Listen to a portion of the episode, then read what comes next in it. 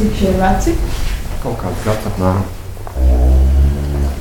Apmēram 50 zīdītāju govs, gaļas lopi ar teļiem, plus 10 slaucamās govs. Šobrīd vēl ir graudi apmēram 10 hektāri. Nu, tīri cik pašiem sev. Valmieras novada plāņu pagastu saimniecībā vecķiguļi. Saimnieks Jānis Kauts darbus pārņēmis no vecākiem un bez minētā saimniecībā vēl ir arī aitas. Saimnieks pārliecināts, ka sadalīt resursus dažādās jomās bijis pakāpenisks, bet apzināts solis. Pamata nodarbošanās gan ir gaļas lopi, un pat labana saimniecība ir ceļā uz bioloģiskas ražošanas statusu. Un es esmu saimniecībā Arī jau no bērna kājas, bet uh, tādu pārņēmu jau 15. un 16. gadā. Bet pēdējos divus gadus, laikam, es jau eju uz bioloģisko. Nākamā gada vajadzētu būt jau bioloģiskam statusam.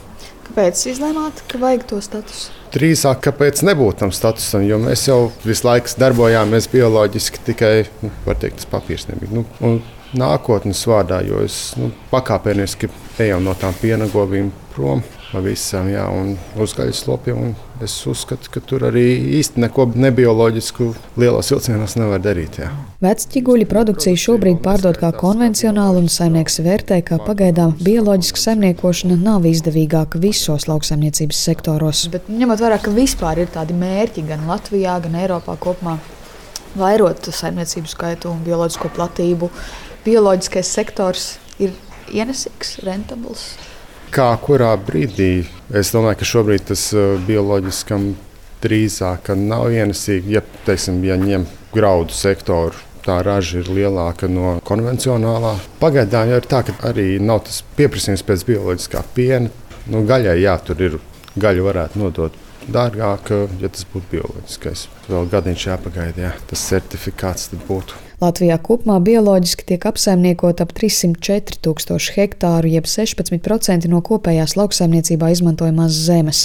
Eiropas Savienībā uzstādītie mērķi paredz, ka 2030. gadā šīm platībām Latvijā jāveido jau 25%. Zemkopības ministrija prognozē, ka platības tuvākajos gados pieaugs, stāsta lauku attīstības atbalsta departamenta direktora Liena Jansone. To tendenci parādīs šis gads, jo šogad ir pilnīgi jauna pieteikšanās kārtība, ir jauna intervences pasākumi, ir atbalsts specifiski bioloģiskajai lauksaimniecībai, bet ir dažādas šīs ekoshēmas, kurās arī var startēt bioloģiskie zemnieki. Šobrīd mūsu KP strateģiskā plānā, ņemot vērā to mūsu pieejamo finansējumu, to periodu, paredzēts sniegt atbalstu par bioloģiski apsaimniekotām platībām 18,8% apmērā no kopējās lauksaimniecībā izmantojamas zemes platības, jeb tie ir aptuveni 368 tūkstoši hektāri.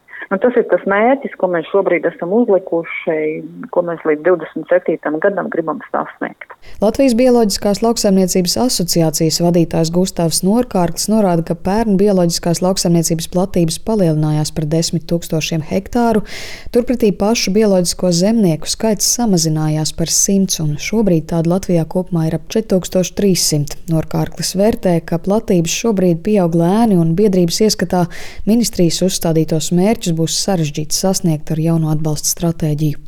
Tie pasākumi ir diezgan vājāki salīdzinot ar iepriekšējo periodu. Tā kā vairāk pasākumu nebūs pieejami bioloģiskiem lauksaimniekiem, teiksim, kā lopkopībā, emisiju mazinošais pasākums, labturības pasākums. Savukārt konvencionālā lauksaimniecība ir atbalsta pasākumi nākuši klāt vairāki. Un atbalsta apjoms ir vienlīdzīgs gan bioloģiskiem, gan konvencionāliem lauksaimniekiem. Un tas neveicinās esošajiem konvencionāliem lauksaimniekiem pāriet uz bioloģisko ražošanu, jo valsts tā prioritāte ir tomēr konvencionāla lauksaimnieka nekā bioloģiskā. Mūsuprāt, tas ir mazliet pretrunā ar kopējo Eiropas Eiropas virzību un mērķiem. Asociācija novēro, ka šobrīd bioloģiskajā lauksaimniecībā visvairāk zemnieku ir piena lopkopībā, kuru skaits gan šobrīd sarūk. Tikmēr līdzīgi kā citās apsaimniekošanas metodēs, strauji attīstās bioloģiskā augkopība, savukārt vismazāk bioloģiskie zemnieki ir dārzeņu audzēšanas jomā. Sinti Ambota, Latvijas radio.